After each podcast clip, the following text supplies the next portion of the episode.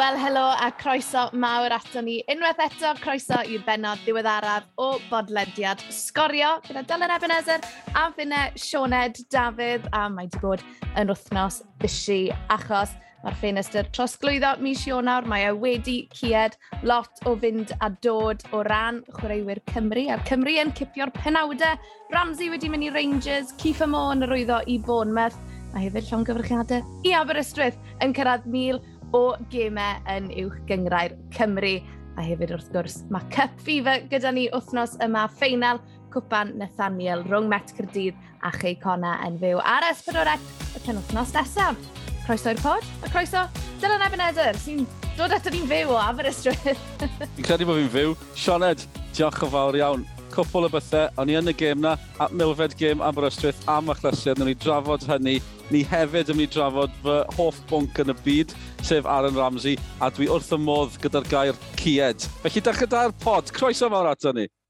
Ie, croeso mawr ato ni, a ni am ddechrau gyda'r holl drosglwyddiadau sydd wedi bod yn digwydd yn ystod mis Ionar a dylan newn ni ddechrau gyda dy hoff berson di yn y byd sydd wedi cael ei ddisgrifio fel y signing mwyaf i gyrraedd yr Alban ers Gaza. Ie, yeah. Aaron Ramsey. Gwych. Aaron, Aaron yr arwr. Ie, yeah, Gaza. Uh, Ali McCoys, ti wedi gweud hynny. Mm. Na gyfe, um, gen i weld pa fath argraff gath e. Fi'n gwybod, fi fel pawb arall, o'n i'n disgwyl gweld hynny'n digwydd, ond fi bach mwy chilled am bethau. Na lot o gefnogwyr Cymru sydd ddim yn hapus o ran y dewis gyda'i glwb. Charles, ewn ni ddim lawr y, y llwybr gwleidyddol, dwi'n credu. Falle bod e yr ystyn sioc gweld e yn yr Alban. Fi ddim yn gwybod beth i wneud am hyn, Sioned. Ond un peth, ni gyd yn dyfalu, yw e'n ffit ac ati, yw e'n gallu chwarae lot o gemau. Wel, ni ar fi'n cael yr ateb, fi'n credu. Wel, ie. Yeah. A hefyd, fi'n credu beth sy'n bwysig, maen nhw dal yn Ewrop, maen nhw am wynebu Dortmund yn yr Europa League mewn, mewn tair wythnos, a hefyd fi'n eitha licor narratif o, oce, okay, mae Aaron Ramsey yn mynd i fynd i'r Alban i fynd yn ffit, just mewn pryd i o bosib wario nhw i gyrraedd cwpan y byd. Ydy, mae fe'n ddiddorol. O'n i'n dilyn un newyddiadur yn yr Alban, un ongl yn i ddim wedi sylweddoli. Mae un o griw meddygol Cymru gyda Rangers yn ôl y sôn, a hefyd mae record Rangers eitha da yn delio gyda anafiadau tebyg i'r hyn mae Ramsey yn dioddau o'n nhw. Fi ddim yn deall y pethau technegol yma, ond y soft tissue yw'r broblem o ran anafiadau Ramsey. A mae ma Rangers eitha da yn y maes yma. Fi'n cymryd, bydde, twa, ni ddim mor ymwybodol o hynny, ond mae rhywun fel Ramsey yn gwybod yn iawn beth sy'n hmm. digwydd mm. gyda'r clwb tu ôl y llenni. Falle bydd yn, uh, falle bydd yn help iddo fe. Mae'n ma fe'n dewis od o ran cyngrair, ond eto falle mae'n just cyfle i chwarae. Fi ddim yn siŵr beth i'n gwneud o'r cyfan. Fi'n credu ongl diddorol hefyd, achos oedd sôn bod Burnley ar ei ole, bod Newcastle ar ei ole.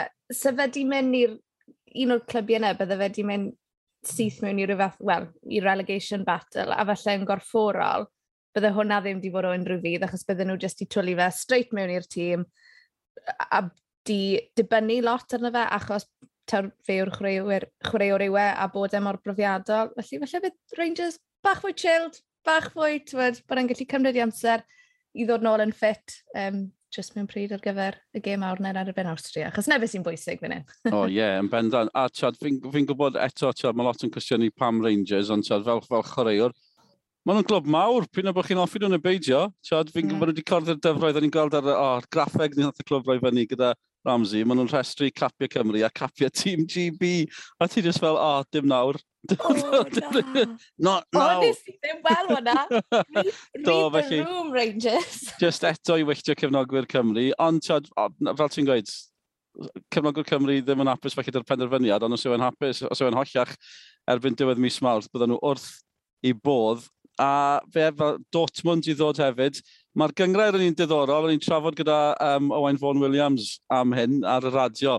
Ac oedd e'n dweud, tiod, mae hanner y gyngrair, mae ti safon, Tio, Rangers Celtic, Hearts, Hibs yn amlwg, tio, mae Aberdeen lan hefyd, wedyn mae'n chwaraewyr uh, clybiau is ddim cwaith. Mae fe hefyd, ni sôn fydd yn chwarae Dortmund, mewn wythnos i ddisadwn fi'n credu'r deuddegfed, maen nhw'n chwarae yng Nghwpan yr Alban yn erbyn Anan United. Anan yn glwb yn ail adran yr Alban. Dwi'n siŵr os bydd Ramsey yn mynd i'r gêm yna, ond fi wedi edrych ar y maes mae fe fel mynd i Bark Jenner, dim byd yn erbyn. Actually, mae Bark Jenner edrych yn fwy o faint, felly gen i aros fynd yn chwarae yn erbyn Anan, Cym fwy hir, a newid byd o Turin i Mr Ramsey. Ond fe mewn glas, mae'n chith y swart mewn glas, nag yw? E? Pethau bach glas i'n poeni fi. Wel, os taw, pa liwiau mae chwaraewyr Cymru yn gwisgo yn eu cyngreiriau nhw sy'n poeni Dylan Evans. Yr rhywun fi ddim yn gwisgo glas am weddill y tymor yw Cifa Mo. Cifa Mo yn arwyddo i Bournemouth am 3.5 miliwn o gyrdydd. Beth yw dyfarn di ar hwnna, Del? Achos mae'n smydiau da Bournemouth o bosib yn mynd i fod yn warau yn uwch gyngrau'r Lloegr flwyddyn nesaf. Um, a ti'n cael y tymlad oedd e, e'n eitha cyn i adael Cyrdydd? Mae swnio fel un, yw, e? mae Steve Morrison wedi bod yn dweud bod wedi gorfodi'r trosglwyddiad, mm. sy'n ddiddorol. Um, lot o gyfnogau wedi bod yn sôn bod e ddim wedi bod ar iorau tymor yma, a nawr, a ddim wedi croesi meddwl fi gymaint o hynny, fod yn hollol onest, achos uh, ta, dilyn cadydd o bell, neu jyst tia, dilyn o ddim fel cefnogwr, ond mm. mae performad fe ddim wedi bod yn gwych, a, a dyfalu yw bod e mor siomedig bod e ddim wedi cael cyfle i fynd i Wolves yn y haf. Falle, ddim yn gweud bod e wedi down tools, Mm. Ond hmm. bendant, yr awgrym yw bod e ddim wedi bod ar ei orau. Mae'n um, dal yn yr un gyngrair, a mae'n newid byd. Yn gyfer, mae Cyrdydd yn brwydro i aros yn y gyngrair. Mae Bournemouth yn neud yn wych ar un o bryd. Mae fe'n mm. ma fe ddoff, mae wedi cael ei groesawu, cefnogwyr Bournemouth yn ymateb eitha hapus, ond gweld e fel plan B maen nhw, dyn nhw'n gweld e fel yr opsiwn cynta, ond os geithau, e, mae wedi cael y symudiad, os geithau e dyrchafiad i'w chyngor Lloegr, bydd e wrth i fod. Fi'n credu gan nhw gyda Cifo Mo, fi'n credu, chi'n gweld e o bell, a chi ddim yn gwybod, chi'n gweld boi mawr ma, pan chi'n gweld e ar ei orau, mae fe'n, tiod, mae fe'n fwy na just lwmpyn i fyny'r cae, mae fe'n gallu fe fod yn dipyn o chwaraewr i Bournemouth. Ie, yeah, a fi'n credu er, mae hwnna'n bwynt da, plan B fydd e o bosib, a faint bydd e'n ware, o dan tîm Scott Parker, i ni, i ni ddim cweith yn siŵr. Um, ond ie, yeah, o ran y Stuff Wolves, fi'n credu, o'n i'n darllen beth lot o gefnogwyr Cyrdydd yn gweud ar, ar Twitter, a nathon nhw, wel, nawr, colli mas ar eitha lot o arian sy'n Cifa Mod i mynd i Wolves haf diwetha, felly mae fe'n tymlo 3.5 miliwn yn tymlo ar bach o fargen, really, wrth ystyried bod wedi, wel, sgorio bron i 20 gol yn y ddwy tymor diwetha. Ydy, nath e'n costi lot iddyn nhw, nid e pam greiddo fe mm. Caerdydd, ond oedd hwnna am resymau eraill, tiod, achos gyson, gyson nhw bach o fargen, ond mae'r newid sydd wedi bod yno fe ers hynny, so mae fe'n chreu'r rhyngwladol nawr, mae wedi mynd i'r Euros, mae wedi sgorio yn yr Euros, byddech chi yn disgwyl cael bach mwy o arian, tiod, pan mm -hmm. cyrraedd o Wigan, ond nhw, ond nhw problemau mawr gyda Wigan ar y pryd, felly oedd hi'n bach o fire sale, mm. a felly gath Cyrdydd bach o fargen, ond mae'n edrych fel bod, ddim yn meddwl bod Bournemouth wedi gael bach o fargen hefyd. O'n i just yn gloi, mae'n darllen be nath y roi ar Instagram yn diolch i gefnogwyr Cydydd, a nath e adael rhyw fath o neges eitha cryptic ar y diwedd. Nath e wedi, I'd like to thank the players, the staff and fans that made my time at Cardiff City special. Looking forward to coming back to the Cardiff City Stadium in March. Don't believe everything you read in the papers. Ww, mm. diddorol. Gyda caru... kiss bach ar y diwedd. Ie, yeah, diddorol. Mae'n amlwg bach, bach o drwg deimlad falle wedi bod tu ôl y llenni. Um, Nico Williams i ffolio, mae'n un diddorol. Mm. Yn i weld fe yn y bencampwriaeth, a fi'n clywed lot o gefnogwyr clybiau uwch yng Nghymru Lloegr, er enghraifft, uh, un o ffrindiau fi'n cyfnogi Aston Villa, a meddwl, o, bydden ni wedi cymryd Nico Williams, felly bod yna lot o glybiau yn mynd, o, hang on, ond ni'n gwybod ar gael, a mae fe wedi mynd i Fulham, ond bydden chwarae'n gyson hefyd just in the nick of time, achos fi'n credu nath nhw gyhoeddi fe am tua 11 ar ddeg o glwch yn os. O, sori, oedd hwnna'n pen effernol i bawb sy'n sy, n, grindo. Oedd rhaid i fi gael hwnna mewn. Fi'n um, sgwennu hwnna lawr, fi'n dwyno hwnna'n barod. Na, nes i weld... Um, Ie, yeah, na'r un peth y ti dyl, ti'n ambell i, um, i glybiau uwch gyngrair Lloegr yn crafu pennau o ran nid bod y bencampwriaeth, eh, nid bod e'n rhy dda i'r bencampwriaeth, ond fi'n credu yn bendant, twyd, bydde lle di bod iddo fe tîm fel Aston Villa er enghraifft, fi'n credu bydde, bydde hwnna di bod yn, yn ffit berffaith. Um, fi'n credu bod nhw'n meddwl, maen nhw'n gweld Gerard yn gynnu o Lerpwl, a meddwl, o, oh, maen nhw'n gysylltiad yeah, yeah, hawdd o ran trefnu hynny. Ond mae fe'n mynd i dîm da ddo. Mae'n siarad, ni'n gweld Keith Amon yn mynd i Bournemouth, Nico mynd i Fulham. Ni'n mynd coen am, am y clybiau mae'r ein yn... Er bod nhw'n ben bencampwriaeth, maen nhw'n mm. goreion yn y gyngred yna. Yn gwmwys, a un peth ti yn sicr yw, fi'n credu fydd Nick Williams yn wario lot fawr o Bill Drod i Fulham, lot fawr o gemau. Um, byn nhw'n bendant moyn mynd ar, ar rhediad, byn nhw'n bendant moyn cyrraedd i'w cyngrair Lloegr tymor nesaf, felly fi'n credu, fi credu bod hwnna'n symudiad bach da i ni. Oedd cwpl o bethau dyfyd o ran, falle, fi'n siŵr tiad, chwarae wedi ddim symud. Um, Ta'n ni'n meddwl, cyn y cyfnod trosglwyddo, lot o hefyd yn gweud, reit, mae'n gyfnod pwysig i i chwaraewyr Cymru, pwy sy'n symud, pwy sy'n ddim yn symud. A wedyn chi'n gweld Joe Rodon ddim di symud. Um, tiod, just pethau mm. bach fel a, falle pobl sydd ddim yn mynd i gael gymaint o hynny o gemau rhwng nawr a diwedd y tymor. Just dyf, dyfod gweld pwy sy'n ar. Brennan Johnson wedi aros yn Forest er Brentford eisiau fe. A lot o bobl yn gweud, o, geith e fynd i glwb mwy. Tom mae'n bach yn o ddoglydd. O ran Brentford hefyd, maen nhw'n neud mor dda. Byddwn nhw'n bod yn hmm. diddorol. Mm. Tom Lawrence di aros yn Derby hefyd. Felly rhaid i symud, rhaid ddim di symud. Bydde wedi bod yn graf gweld Joe Rodon yn cael, cael mwy o gemau, fel rhywun sydd wedi gwylio fe ar Swans yn amlwg. Mae'n mae mhm. dirgelwch beth sy'n mynd mlaen gyda fe yn Spurs. Ond ie, uh, yeah, cyfnod trosglwyddo bach diddorol. Wel, un stori enfawr sydd wedi bod yn cael yn sylw ni wythnos yma ar sgorio yw'r ffaith bod Aberystwyth wedi cyrraedd mil o gemau yn uwch gyngrau'r Cymru, y clwb cynta i wneud ni, a dyl am y chlesur yn erbyn Hwlffordd ar Goedlan y Parc nos fawrth, a o ti ne, a nath nhw ennill. Do. O'n i ddim yn disgwyl ddyn nhw ennill, o'n i ddim yn disgwyl bydd y gymaint o bobl na, bron 900 o bobl, na beth sy'n mm. digwydd pan chi'n cynnig rhywbeth am ddim i gardis. O'n nhw'n heidio yna. hot dogs for ti, boys, o'n na ddiodydd am ddim, hot dogs am ddim, confynediad am ddim i'r gêm. Ie, yeah, a dde just, a dde'n e ffantastig. Ni wedi bod yn edrych nôl lot ar ar y mil o gemau. No, cyn ni, ges i magu Aberystwyth brystwyth gwylio yn yr 80au ac ati, pan oedd canodd yn gwylio nhw'n chwarae. A rhyw deimlad ffantastig na gyda gymaint yn gwylio. Ti'n un o'n os yw, jyst cwarter nhw'n dod nôl yn gyson, mae'n mynd i helpu gyda'r torfeidd. A ie, yeah, ar fuddugoliaeth, wel, o'n i ddim yn disgwyl hwnna, Hwlffordd wedi bod yn gwneud mor dda yn ddiweddar. Mm. Fi'n gwybod bod y rheolwr newydd, Nicky Hyan, ddim wedi cymryd drosto'n swyddogol achos trwydded waith ond o'n wedi cael gêm gyfartal efo'n pen y bont, gêm gyfartal efo'n dre newydd, y chwarae peldroed da iawn, iawn, iawn. A nhw dal y chwarae peldroed da iawn yn, yn y hanner cyntaf yna, nath Aber just gweithio mor galed, nes nhw'n stop o'r rhedeg, chwarae teg, dangos bach o gymeriad, a ie, yeah, maen nhw'n cwrdd y gilydd eto, chwe phointer, go iawn, ond maen nhw'n chwarae gilydd ddwywaith, felly hwnna'n 12 pointer, Nes i ddresu'n llwyr yn trwy'r esbonio hwnna, mae rai cyfaddau. Do, oedd hi'n noson fawr. Um, fi jyst gael bach i'r dre newydd, fi'n credu dylen ni sôn am y dre newydd Nghyn i gyd, achos amgylchiadau yn unig sy'n golygu bod Aberystwyth wedi cyrraedd y mil cyn y dre newydd, maen nhw'n neud i gymryd o glod. Mm. Neu rhywfaint maen nhw'n heiddi rhywfaint o glod ag Aberystwyth, mor syml hynny. A os chi'n sôn am gemau cystadleuol, maen nhw'n siŵr wedi chwarae mwy, achos maen nhw wedi bod yn y gemau gyfle mwy na Aberystwyth. Felly, e, dau o glybiau'r canolbarth, pwy feddyliau mae nhw fydde'n cyrraedd, y, cyrraedd y mil gyntaf. Oedd hi'n ffab na, bron 900, be mwy chi moyn?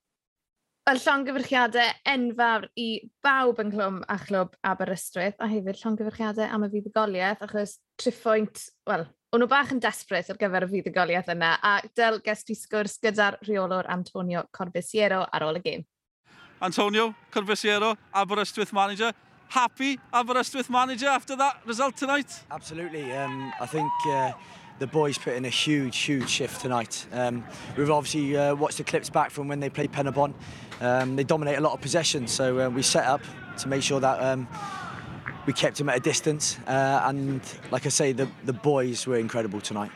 I'm sure the win is pleasing, a clean sheet as well. But as you say, the hard work, they would just run themselves into the ground still there in the 90th minute. How pleasing is that? Yeah, definitely. You know, I mean, you know, like a last-ditch tackle there from Bradders. You know, you know, Hadji's got in there and then you know he's made a last-ditch tackle. Um, but like I say, you know, they've given me absolutely everything tonight. They've, you know, half time, they come in there saying that they felt they ran 90 minutes in the first 45. We said you've got to run another 90 again in this next 45. So they've done that for us and, and they thoroughly deserve what they got today.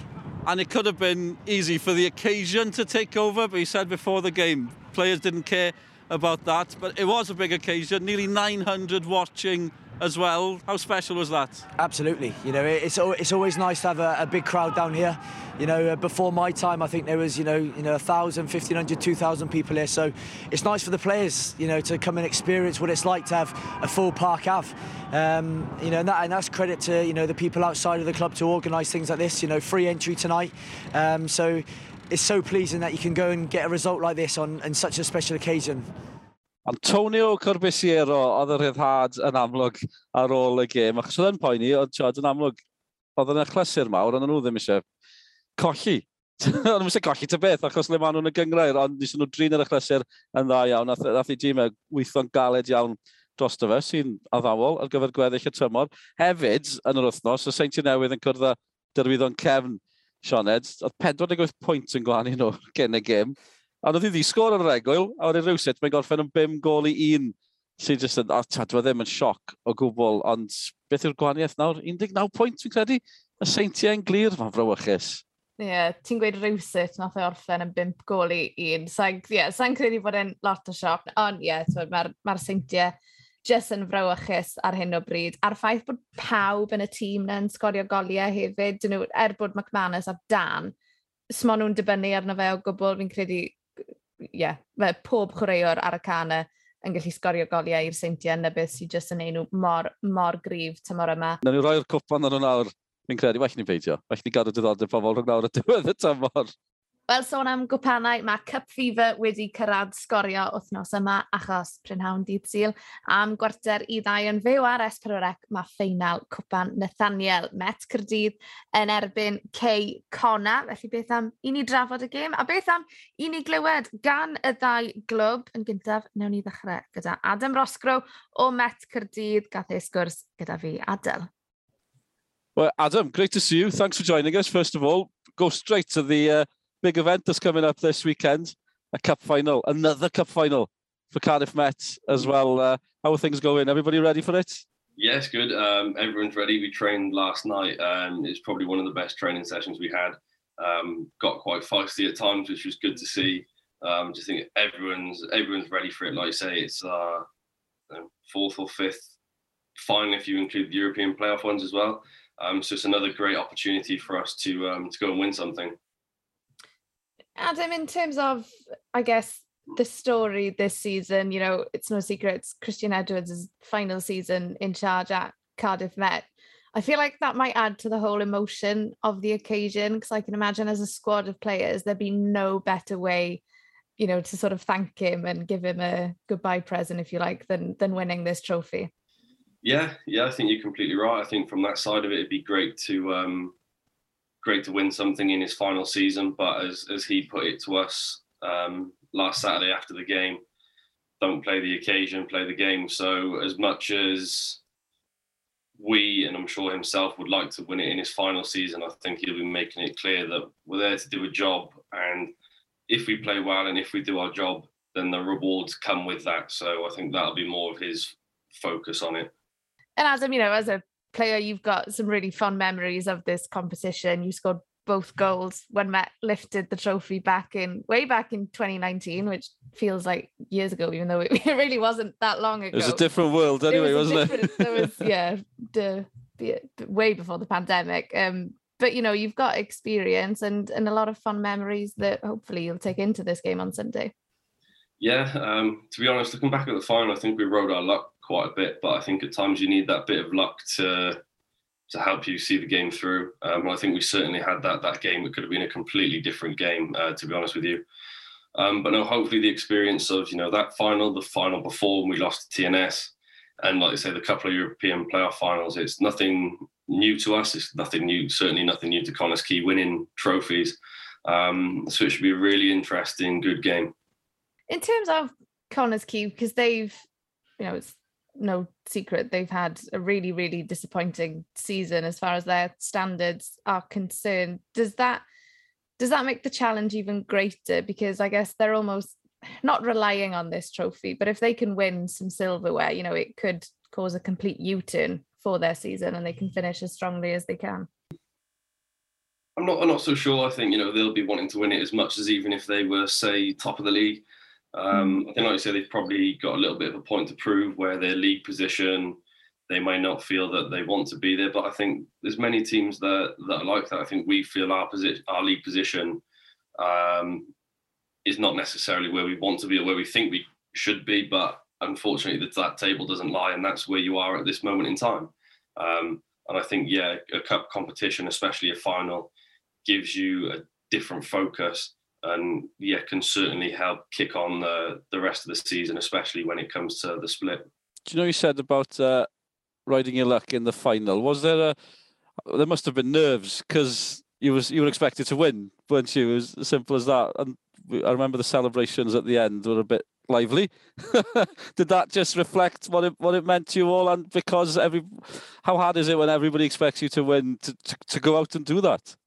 Yeah, it is difficult. I think that's probably one of the first times we've been classed as the favourites to win something. Um, I think, like I said, the final the year before and the two other European finals, we were certainly the underdogs, and we always have been, and probably will still always tend to be that. Um, but I just think, yeah, we went one nil up, and the game was a bit edgy, and I think second half we just got battered and um, couldn't really break out and, and, cause many chances. And then, like I said, we got the second on a break, and you know, luckily for me, the keeper wasn't in the back of his net. So, um, yeah, like I said, they could have easily scored, and that game would have been turned on its head. But um, I think, yeah, being favourites is something that we're definitely not for this game. Um, I think people will definitely see Connah's Quay as winning it, but we've played them twice this season and drawn twice, and they've been, you know, some really good close games. So personally, I'm not expecting anything different. And if it's one by one goal either way, I wouldn't be surprised. What was the um, celebrations like after the game when you won the when you won the cup last time? Um, yeah, they were good. I think it was a lot of relief. Um, let's say finally managed to win something, but yeah, I think as most of the boys are obviously students, um, it's not unused to having a party afterwards. So, yeah, it, was, uh, it was pretty good. I know we've gone on about this a lot with Met because the fact so many of the players, a lot of you guys still around, came through together through the leagues. Um, what sort of bond has that created with this team? Even you know, I know there's new guys coming in, some have left, but so is it a special bond? Yeah, I think it's just completely different to what you get at other teams in terms of, you know, you literally a lot of the boys will live together, a lot of the boys will be in lectures together, and you literally spend almost 24 7 with everybody. Um, so I think it has its benefits. Obviously, people tend to argue and you have to see that person 30 seconds later, but part and parcel of it. Um, but yeah, it's certainly something different and it's certainly something unique to Cardiff Met that I can't see many other teams having. Your journey's been an interesting one as well, Adam, since that cup final. Um, getting a big move and then ending up with the New Saints now back at at Met. Do you know, how has it been for you over the last few seasons?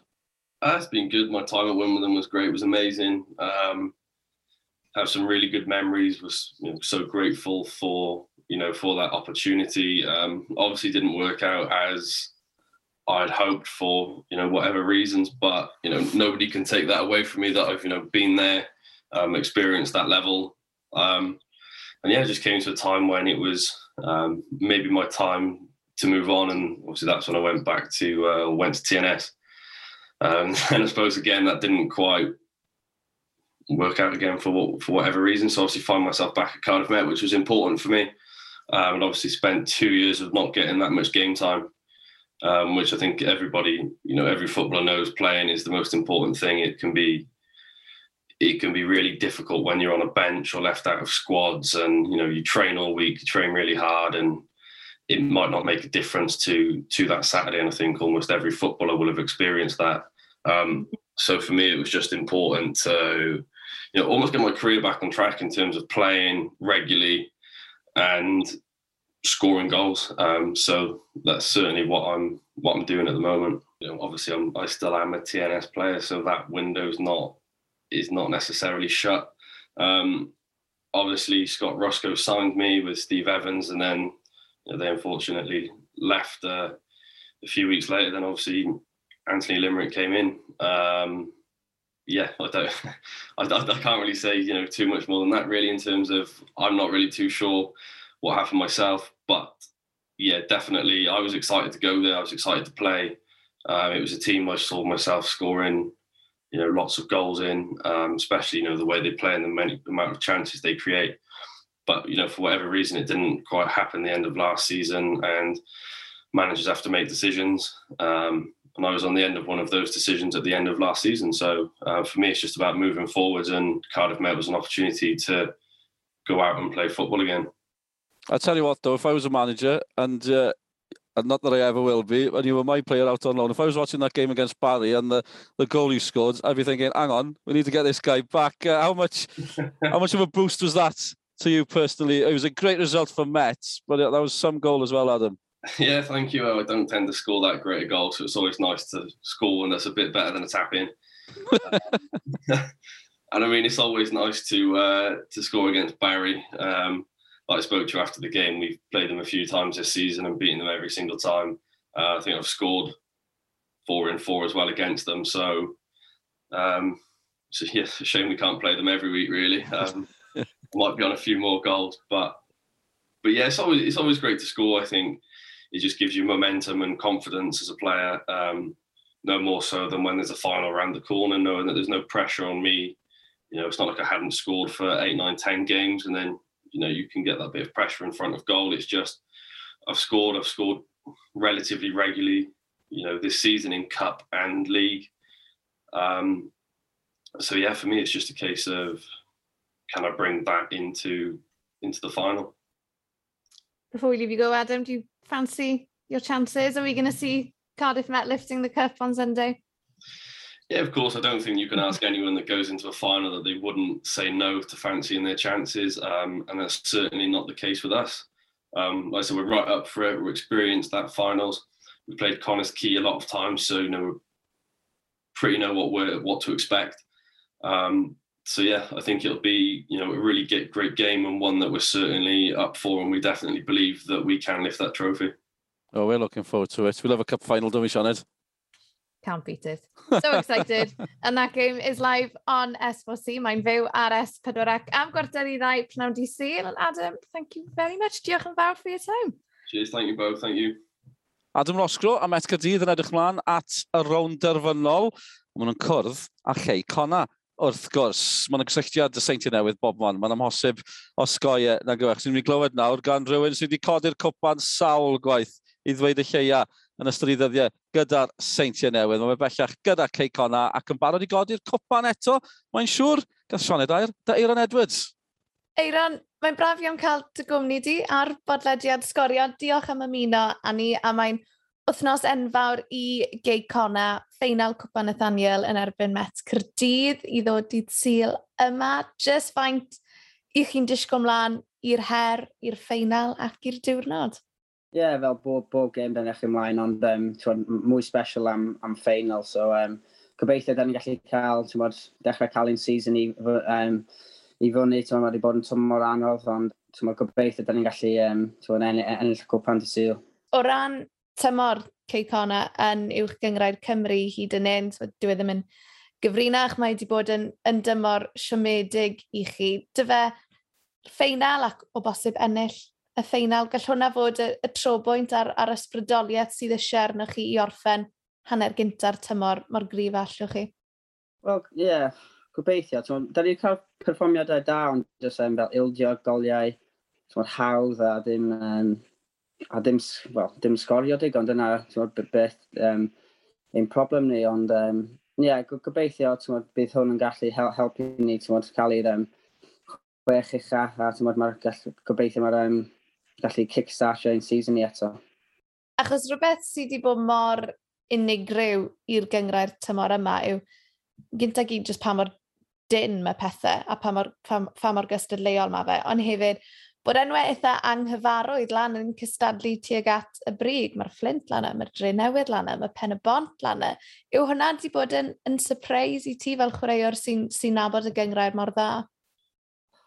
Ie, yeah, i bod yn onest mae, ond um, ti'n gwybod, mae, mae pelwyd mae pethau doniol yn digwydd. Mae'n, uh, ti'n gwybod, da ni yn fyllfa, a, a bain hun ydy, a ti'n gwybod, ildio gol, goliau hi um, yn y diwedd, a ti'n gwybod, mae'n, mae'n, so dwi'n meddwl, o'n i dau, dau, dau fyny ar y, ar y weekend, a colli ildio tri gol mewn 8 munud, dwi'n meddwl, a ti'n gwybod, am tîm Cey Conad, ti'n byth yn clywed amdan hynny, so, um, da ni gorau, da ni gorau sortio fe allan a ti'n i bod ni i, um, wneud pethau'n gywir. Ac o ran dy yrfa di fel chwaraewr i ti'n ti hen gyfarwydd a'r gystadleuaeth yma, ti di ennill y peth chwech o weithiau. Felly mae dy, mae dy brofiad i ar y cae yna yn bendant yn, yn mynd i fod yn hwb i dy gyd chwaraewyr. Ie, yeah, dwi'n siŵr bod lot o chwaraewyr yn y tîm ni efo lot mwy o experience na fi hefyd, ond um, maen nhw wedi ennill lot o cwpanau. So, um, da ni gorau help, ti'n defnyddio hynny uh, i'r hogei ifanc i, i trio helpu nhw. Ti'n i ddim overall by a, a, a, um, a cwpan, ti'n modd, final, yr occasion. Da ni gorau, ti'n siŵr da ni'n chwarae'n game yn hynna'n a ti'n modd rhoi e i, um, i Cardiff Meta. Ti'n modd, gobeithio da ni'n cael y, y result cywir. A mae dy rheolwr di Craig Harrison yn, yn rhywun i ti nabod yn arbennig o dda. Erbyn nawr, mae'r ddoi o chi wedi mwynhau llwyddiant gyda'ch gilydd yn draw yn y seintiau newydd. I chi mynd i allu dod y bach o'r llwyddiant yna draw i gei cona tymor yma?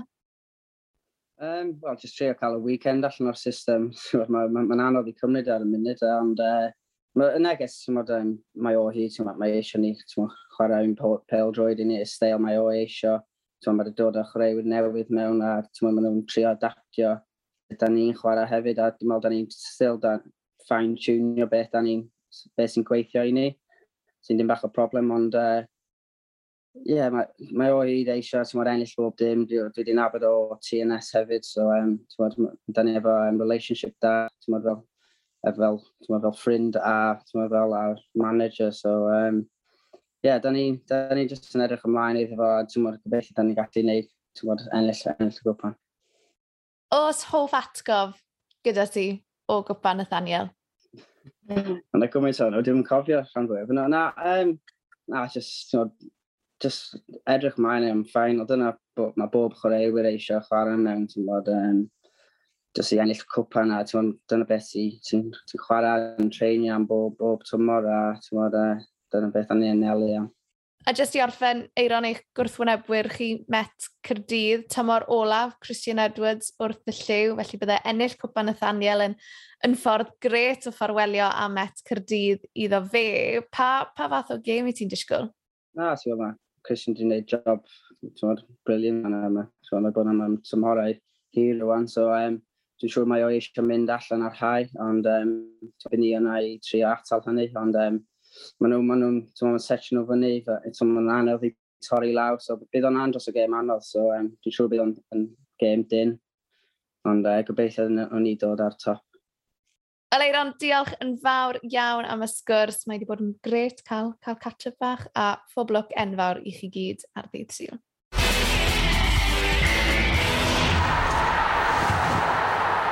Del y ffeinal dydd syl pen ar y bloc, sydd ti'n gweld i'n mynd? Wel, fi'n fi ofnadw yn darogan, neu'n proffwydo, unrhyw beth. Na gyd na wedi yw, sgwn i be mae'r wythnosau diwethaf wedi wneud o ran hyder Ceicona, ond nhw'n gwneud mor dda, mm. cyn y toriad, ond nhw wedi colli ers hydref, wedyn golli'n refn y seintiau, iawn, digon teg, mae'n un digwydd. Ildio'n hwyr, hwyr, hwyr, hwyr, hwyr, yn efo'n Flint. Colli'n efo'n y bari, ond o'r blaen o ddwy gol i ddim, ac o'n nhw'n coasting, a'r bari wedi bod yr edrych gwael, wedyn colli gatre o dair gol i ddwy. Mae Met yr ediad bach da. Tio, da iawn iawn i fod yn deg dyn nhw. Fi'n ffansi o Met. Rwy'n fi fod yn onest, gan bod ti'n gofyn fi roi mhen ar y bloc, neu wedi fi'n gweld Met yn fynd o hi. A tymor ola Christian Edwards, maen ma nhw'n ma, ma, ma styfnig ar hyn o bryd. A falle Rosgro eto. Oedd Oeddes i weld gem y Barry, mae fe'n chwarae o'r rhwystredig ar y degau, ond pan mae fe'n tanio, mae fe'n tanio. Felly, hmm. ie, mm. yeah, byddai siw fod yn anghywir, ond na fe, wedai Met. Beth be ti'n meddwl? Wel, i fod yn dig, fi'n teimlo fel dylse fi weid Ceicona, ond... Da, sy'n mysio bod yn dig? fi'n cytuno dy ti dyl, mae teimlo'r bach dy fi bod rhywbeth am Met Cyrdydd, tymor ola Christian Edwards, profiad dyn nhw mewn sawl ffeinal o'r blaen, mae teimlad dy fi bod y myfyrwyr just yn mynd i wneud hi. Wel, fel i ni wedi bod yn so, lot wedi bod yn digwydd yn y byd Pil Rod o ran y trosglwyddiadau, lot wedi bod yn digwydd yn uwch gyngrair Cymru, ffeinal cwpa Nathaniel pen othnos yma, ond beth am i ni drafod gweddill y pyramid yng Nghymru? Del, beth sydd wedi bod yn digwydd yng Nghyngreiriau'r De a'r Gogledd? Dewch i ni ddechrau yn y gogledd wythnos yma. Ebus sydd ar y brig yn eisiau nhw dair gol un yn erbyn Conwy. Mae werth ni sôn am yr ymysodwr Adam Davies. Dwy gol arall iddo fe. 25 gol yn y gyngor erbyn hyn. Mewn 19 gêm, chwarae teg, record gampus iddo fe. Felly maen nhw bedwar pwynt yn glir nawr o Llandudno, a di chwarae gêm yn llai. Uh, Llandudno'n ennill y gol i ddim yn erbyn Rhythyn. Cygydfa sy'n drydydd, ond maen nhw chwe pwynt tu ôl. Colli o dair i ddim yn erbyn Tryffynon. Tryffynon o redydd bach da i fod yn dig yn y gogledd. 8 gêm heb golli iddyn nhw. Lawr yn y gweilod, jyst i roi'r sefyllfa yma i chi, Bangor ar y gwilo. Dyn nhw'n chwarae ar un o bryd ac yn colli pwyntiau yn sgil hynny hefyd. Wedyn, Llangefni a Llanrhaeadr y Mochnant. Mae tri yn disgyn, mae werth cofio hynny. Felly Bangor ar y gwylod, Llangefni, Llanrhaeadr. Mae yna 8 pwynt o fwlch wedyn i Brestatyn. Ond maen nhw wedi colli peder gêm ddiwetha nhw. A maen nhw'n chwarae yn erbyn Llangefni pen wythnos yma.